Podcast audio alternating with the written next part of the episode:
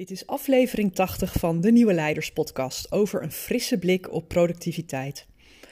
De laatste weken heb ik veel gesprekken met mensen die last hebben van winter blues.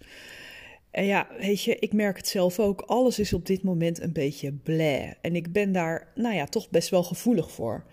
Maar toch uh, ben ik in de afgelopen jaren deze periode wat meer gaan waarderen. En ik wil heel graag met je delen hoe dat zo gekomen is, omdat ik denk dat je er misschien wat aan hebt. Deels ligt de sleutel, wat mij betreft, bij het loslaten van de traditionele ideeën over hoe en wanneer je precies productief bent. We zijn in onze cultuur gewend om productiviteit te zien als een soort doorlopend proces. We meten het in tijd en we gaan er eigenlijk vanuit dat we tijdens kantooruren altijd 100% aan moeten staan. Maar de realiteit is vaak anders en nou ja, daar kunnen we ons best een tikje bezwaard of beschaamd over voelen. In deze aflevering geef ik je een nieuwe, frisse definitie, maar ik nodig je ook uit om eens te gaan experimenteren met hoe je op een heel andere manier, ja, misschien nog wel veel productiever kunt zijn.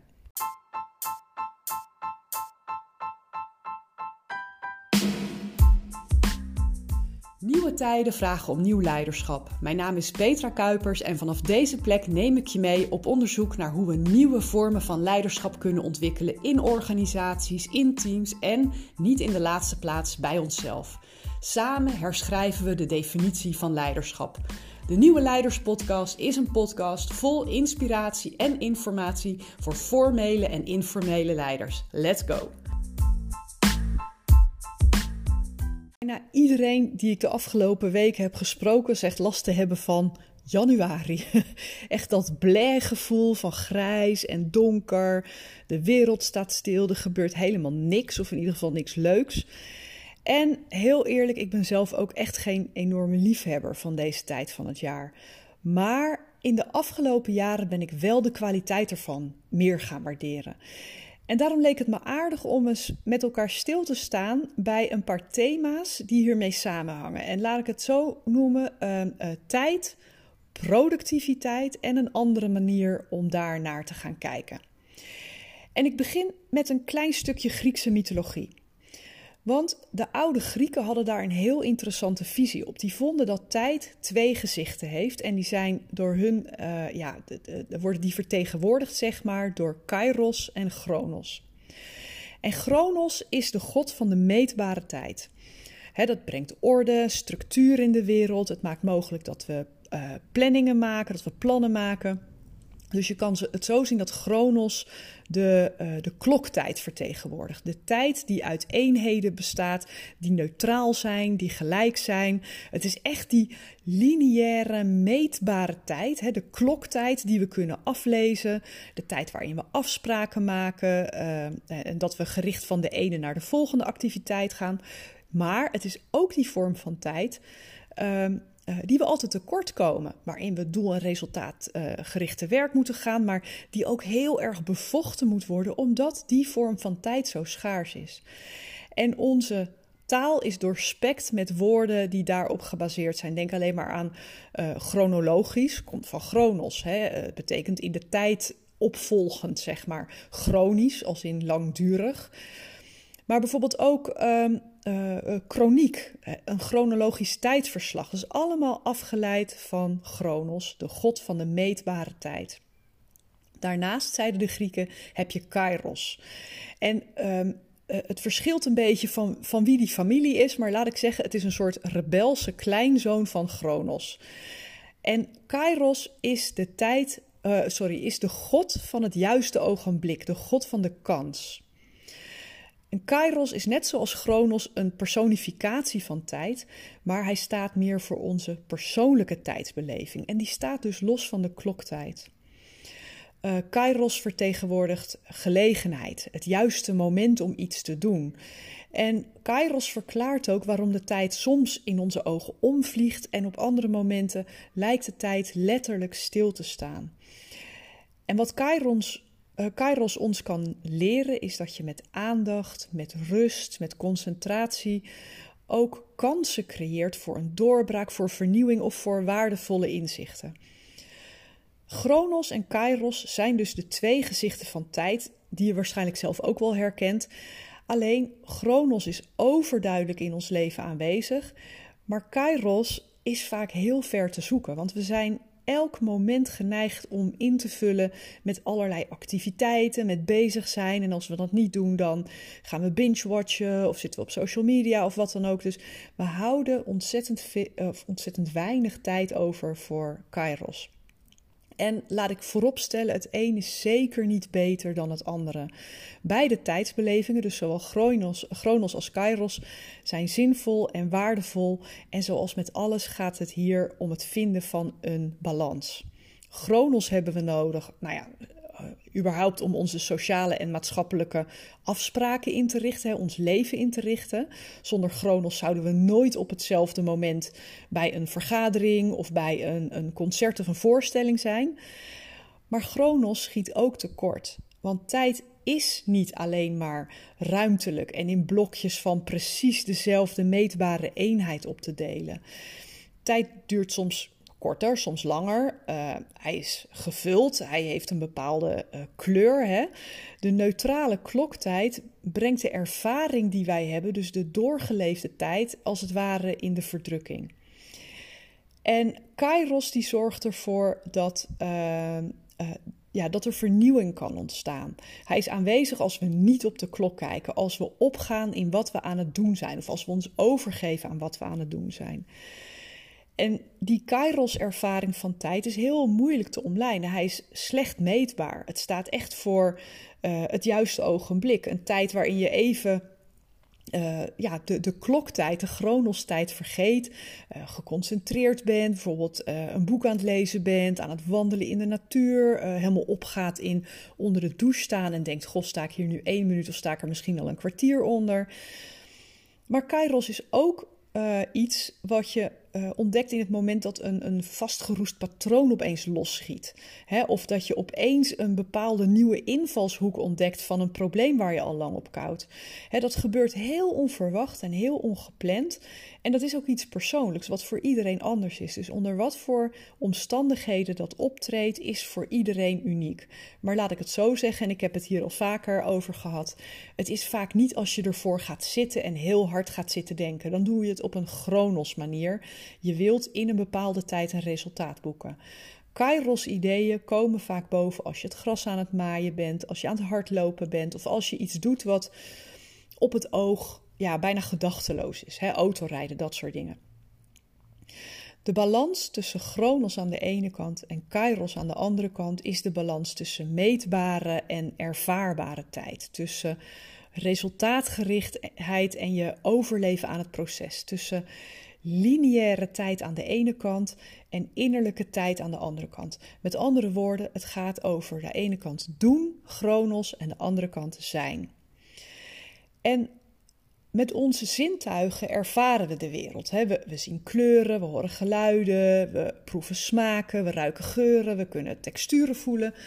Maar hoe nemen we tijd waar, terwijl we daar toch een, uh, een gevoel bij hebben? Het is niet gekoppeld aan één zintuig.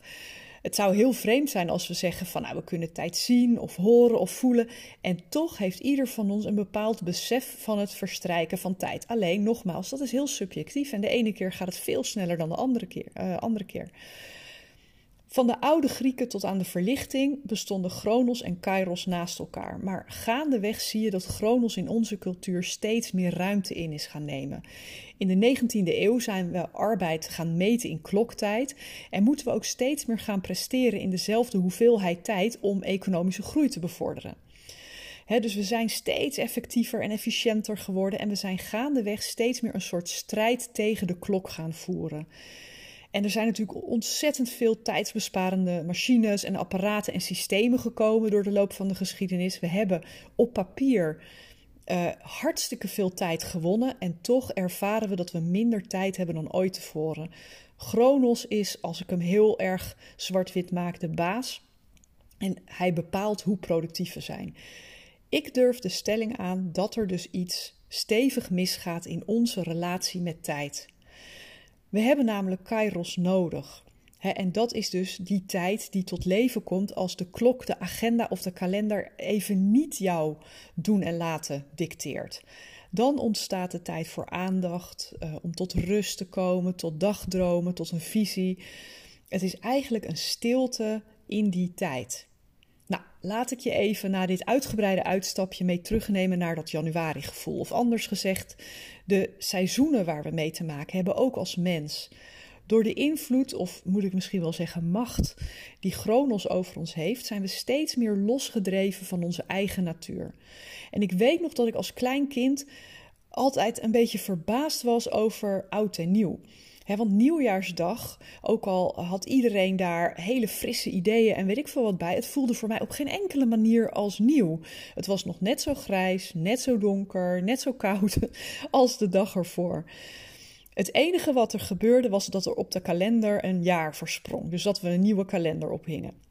Maar zou je me gevraagd hebben in die tijd wanneer het echte nieuwe begon, dan zou ik waarschijnlijk iets gezegd hebben als, nou ja, ergens in maart. En als ik eerlijk ben, voelt dat voor mij nog steeds een beetje zo.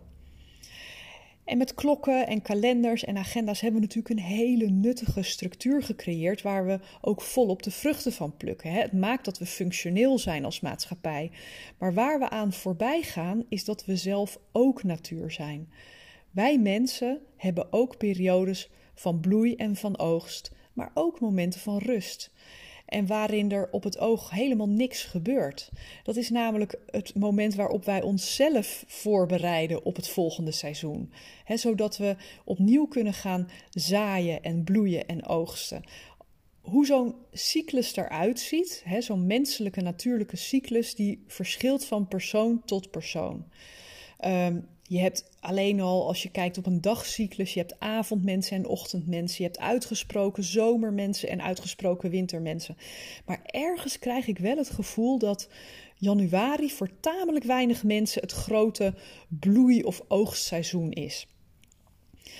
En daarmee ontstaat al snel het verhaal dat het uh, nutteloos is, niksig, deprimerend. En zo kan je het ook daadwerkelijk ervaren. Maar ik wil je heel graag uitnodigen om eens tegen het licht te houden waar dat verhaal nou precies vandaan komt. Want ik heb mezelf ook jarenlang zo'nzelfde verhaal verteld. En ik heb altijd geroepen dat ik vanaf mijn verjaardag, ik ben in januari jarig, ik snap ook niet waarom, maar zeker tot eind februari op het zuidelijk halfrond wil zijn. Want ik vind de winters hier onprettig. Sterker nog, ik ben ook een heel aantal jaren, heb ik mijn verjaardag op het zuidelijk halfrond doorgebracht. Maar daarmee ga ik voorbij aan dat de winters hier absoluut waarde voor me blijken te hebben.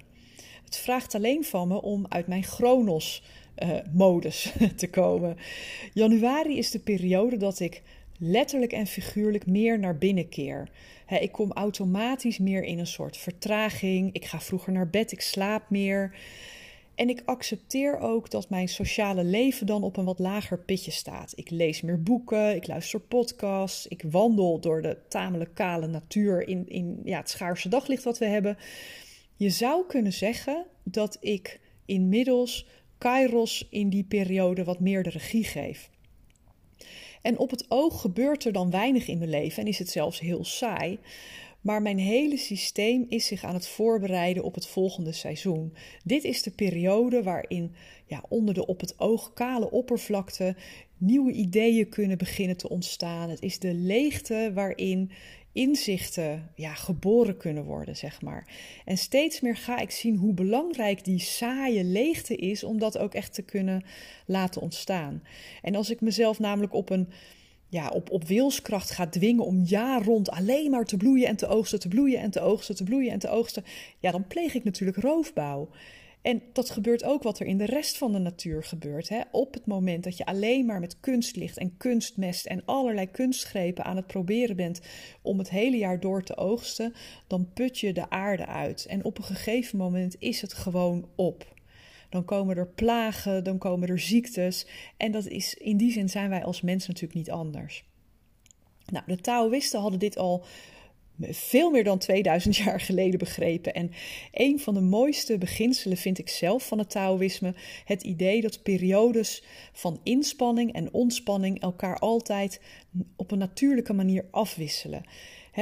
Periodes van echt naar buiten gericht zijn, actie, doen, resultaten boeken, buffelen. Um, dat noemen de Taoïsten yang. En dat wisselt af met periodes van yin. Naar binnen keren, rust, voelen, vertragen. En het is eigenlijk niet zo dat je een yin-fase plant. Je geeft je er meer aan over. Het is echt een periode van loslaten, van herstellen. Het is echt dat seizoen of die periode waarin je weer ja, kan, kan opladen. Zonder daar actief iets aan te doen. Het is iets waar je waar je, je in laat zakken. En volgens de Taoïsten is de periode van ongeveer half december tot ongeveer februari, een periode van vier tot zes weken, dat is de tijd waarin je toe kunt geven aan die natuurlijke neiging om naar binnen te keren, omdat je er dan heel veel profijt van hebt. Maar als jij natuurlijk op een heel ander moment uh, voelt dat jouw winter uh, aanbreekt, dan, dan moet je daar naar luisteren. Hè? En als je in deze periode van, van januari, februari juist heel erg in je energie zit, ja, geef daar dan alsjeblieft aan toe. Dus maak het niet weer een hoofdding, maar voel wat voor jou geldt.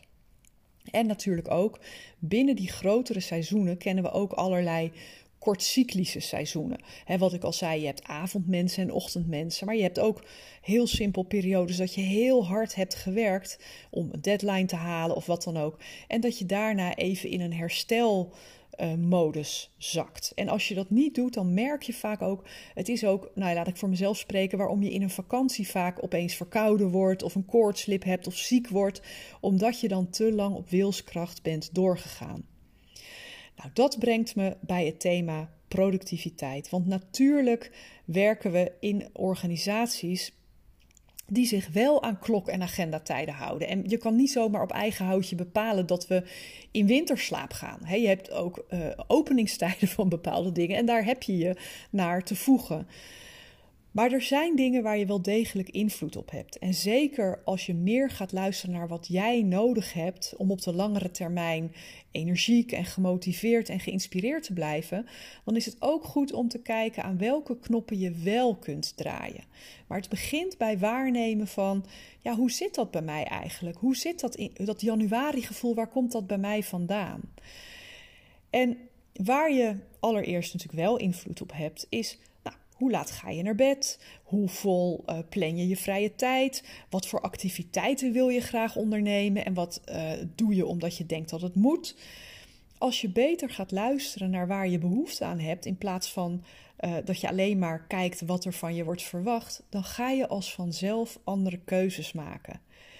En op je werk geldt ook dat je kunt kijken van wat zou ik anders kunnen doen? Waar heb ik wel invloed op? misschien is dat wel op wanneer je bepaalde mijlpalen of opleveringen plant in het jaar. Of wanneer je uh, deadlines hebt. Of hoe je je workload kunt verdelen over de kwartalen of over de maand of over het jaar dus daar heb je soms wel invloed op en dat, dat verschilt van functie tot functie. Maar het is altijd de moeite waard om naar te kijken. Je kunt sowieso wat kritischer worden op het aantal overleggen waar je echt bij moet zijn. Of die je echt moet organiseren. Of dat je sommige dingen ook met een mail af kunt doen.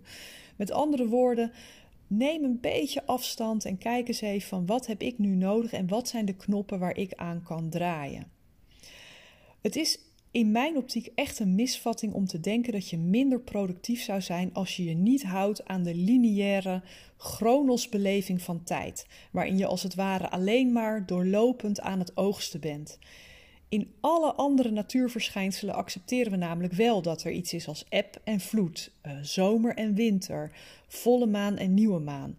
Maar als het om onszelf gaat, dan lijkt het erop alsof we maar één stand mogen hebben om effectief en productief te zijn, en dat is Ik gebruik vaak de metafoor van de sportschool. Spiergroei dat ontstaat nou eenmaal niet alleen maar door aan het ijzer te hangen en er steeds zwaardere gewichten aan te hangen. Het is juist in de rust, in de herstelfase tussen die trainingen door dat je spieren zich ontwikkelen. En die rust die heb je ook keihard nodig hè, om geen blessures op te lopen en ja, om als het ware de natuur haar werk te laten doen. Cycli in de natuur zijn nodig om het hele systeem effectief te houden. Na zaaien volgt bloei en uiteindelijk kan er geoogst worden. En het, het afval tussen aanhalingstekens wat ontstaat door vallend blad, door vruchten die er afvallen, door allerlei organisch materiaal dat in de herfst afsterft, dat is voeding voor het volgende seizoen. En zo blijft die hele cyclus blijft, blijft draaien. En in de winter, als op het oog alles kaal en doods lijkt, dan is het echt die tijd van herstel, van vertraging, van rust. En dat is de voorbereiding op het nieuwe seizoen. De Taoïsten zien dat ook als een soort droomfase waarin nieuwe ideeën, nieuw potentieel geboren kan worden. Maar als we tot slot Kairos er nog een keer bij halen, Kairos is jouw tijd. En je kunt hem alleen al vinden door wat meer blanco tijd te laten. Hè? Door, door eens een stuk leeg te laten in je agenda en niet in te vullen met allerlei activiteiten en dingen die moeten. Stel dat je nou een paar uur per dag even je, uh, je telefoon weglegt, uh, af en toe niets doet, wat gaat lummelen of mijmeren of dromen, uh, misschien wat muziek luisteren, lezen, wandelen, of al is het alleen maar naar de wolken staren. Het is een heel andere manier van denken over tijd en kijken naar productiviteit dan we gewend zijn. Maar als je je daar eenmaal een keer aan overgegeven hebt, dan zal je ook ervaren dat productiviteit helemaal niet lineair is. We hebben het lineair georganiseerd. Productiviteit is cyclisch. En ik zou eigenlijk willen zeggen: probeer het alsjeblieft eens uit en kijk wat het voor je doet. Dankjewel voor het luisteren naar de Nieuwe Leiders Podcast. Was deze aflevering waardevol voor je? Door hem te delen of een recensie achter te laten, help je nog veel meer mensen om de Nieuwe Leiders Podcast te vinden. En vergeet niet de podcast te volgen zodat je niets meer mist. Ik tref je graag bij de volgende aflevering.